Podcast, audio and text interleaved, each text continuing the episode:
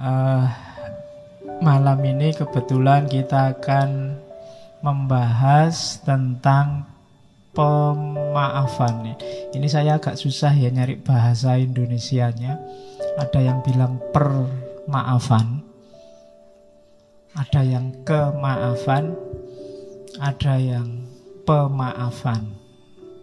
Yo, bus sing bener sing di saya juga ndak tahu.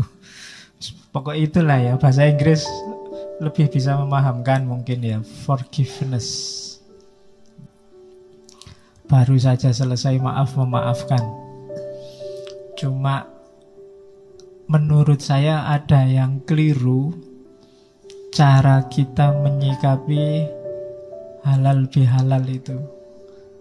Sejauh yang saya tahu banyak orang itu begitu selesai halal bihalal mentalnya adalah mental bebas. Sudah habis dosanya, maka sekarang dosa kecil-kecil dikit-dikit tidak masalah wong saldonya kosong. Jadi mentalnya mental santai.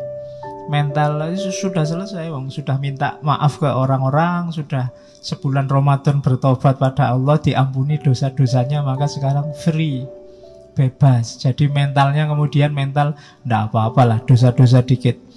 Yang penting kan kemarin sudah kosong saldonya sekarang bisa nambah tidak masalah jadi problemnya itu, itu yang bikin kemudian satu bulan meninggalkan Ramadan, baunya Ramadan sudah hilang. Iya kan?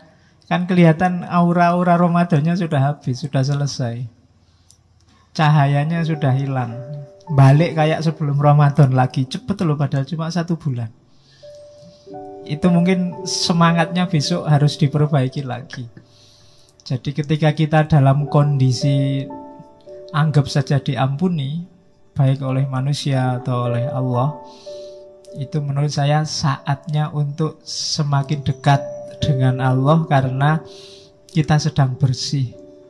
Kalau pakai bahasanya Al-Halaj karakter kita karakter lahutiah, karakter ketuhanan, divine.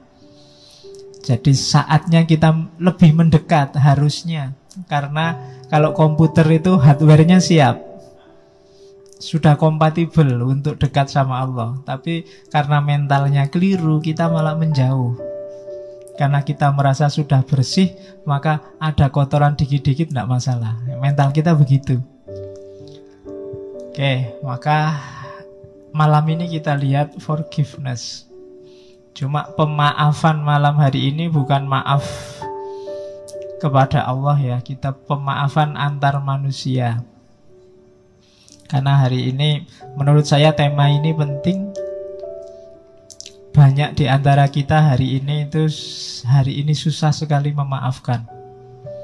Kalau baca berita-berita itu kita sekarang ngomong aja takut khawatir dilapor ke nulis aja takut guyon takut karena kalau keliru nanti urusannya polisi jadi sekarang kita serba takut, serba curiga.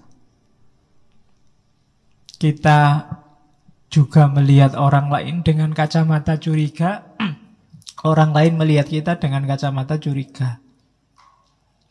Dimensi forgiveness-nya hilang. Kita tidak bisa memaklumi orang lain, orang lain juga tidak bisa memaklumi kita. Akhirnya yang terjadi semacam hari ini di WA WA, grup-grup, Facebook Facebook itu kan isinya semua saling mencurigai kelompok yang lain.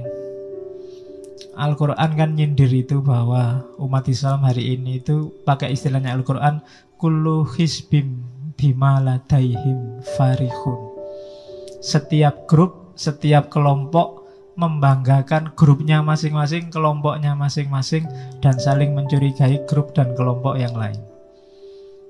Itu yang bikin hidup kita sekarang tidak enak. Makanya saya tidak pernah posting di wallnya Facebook.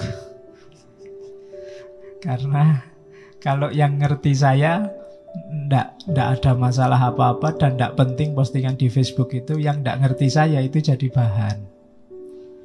Ya, maka kita ngobrol aja di luar ruang publik. Saya lebih suka ngobrolnya di ruang privat. Lebih enak. Oke, bismillah. Kita mulai. Apa sih pemaafan itu?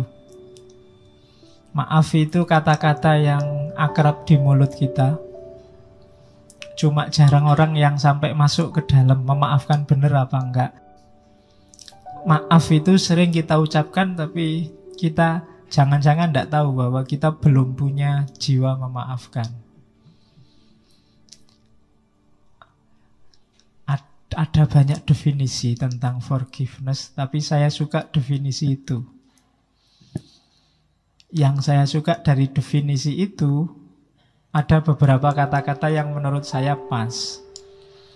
Yang pertama, proses. Jadi maaf itu butuh proses. susah maaf itu langsung. Kalau langsung itu biasanya bukan maaf. Mungkin basa-basi atau otomatis thought kayak kemarin. Nyenggol orang kesenggol deal. Maaf ya, itu biasanya enggak, enggak ada mikir panjang. Maaf beneran apa kayaknya enggak. Jadi ada proses pasti. Setelah proses, tapi proses ini proses yang disengaja. Kalau otomatis itu berarti tidak disengaja disengaja itu diniati benar. Kemudian sukarela. Ada orang yang minta maafnya tidak sukarela. Kenapa? Dipaksa. Kalau bapak tidak minta maaf dalam waktu 2 kali 24 jam, saya laporkan polisi. Nah itu tidak sukarela. Tidak ketemu hakikatnya pemaafan. Orangnya minta maaf bukan karena dia memang niat minta maaf, sengaja minta maaf, tapi karena takut ditangkap polisi. Jadi ada unsur sukarela dan sengaja. Kemudian ada sikap mental yang berubah.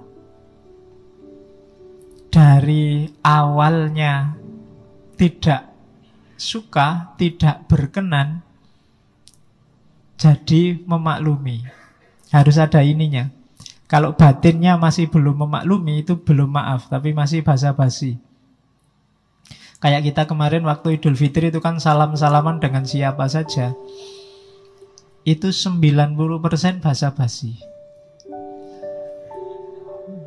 Coba kamu cermati kan basa-basi. Ketemu temannya, eh minal aidin ya, mesti gitu.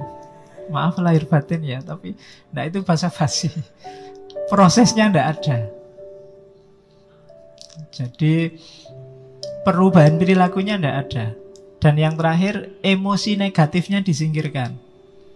Dendam, ingin membalas, tadi disenggol, nyenggol balik baru saya maafkan. Itu berarti nggak memaafkan.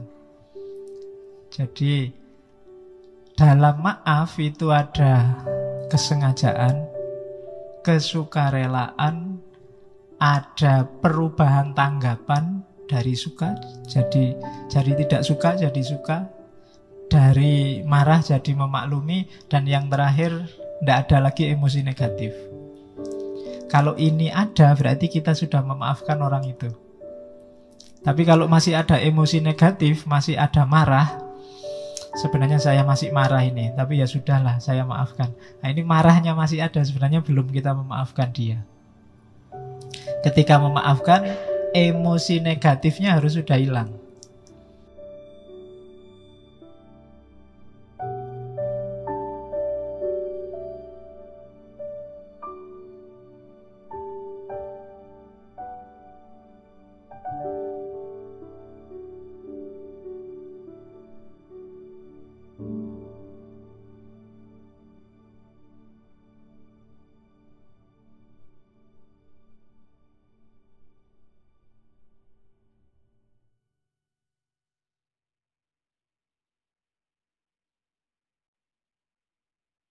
You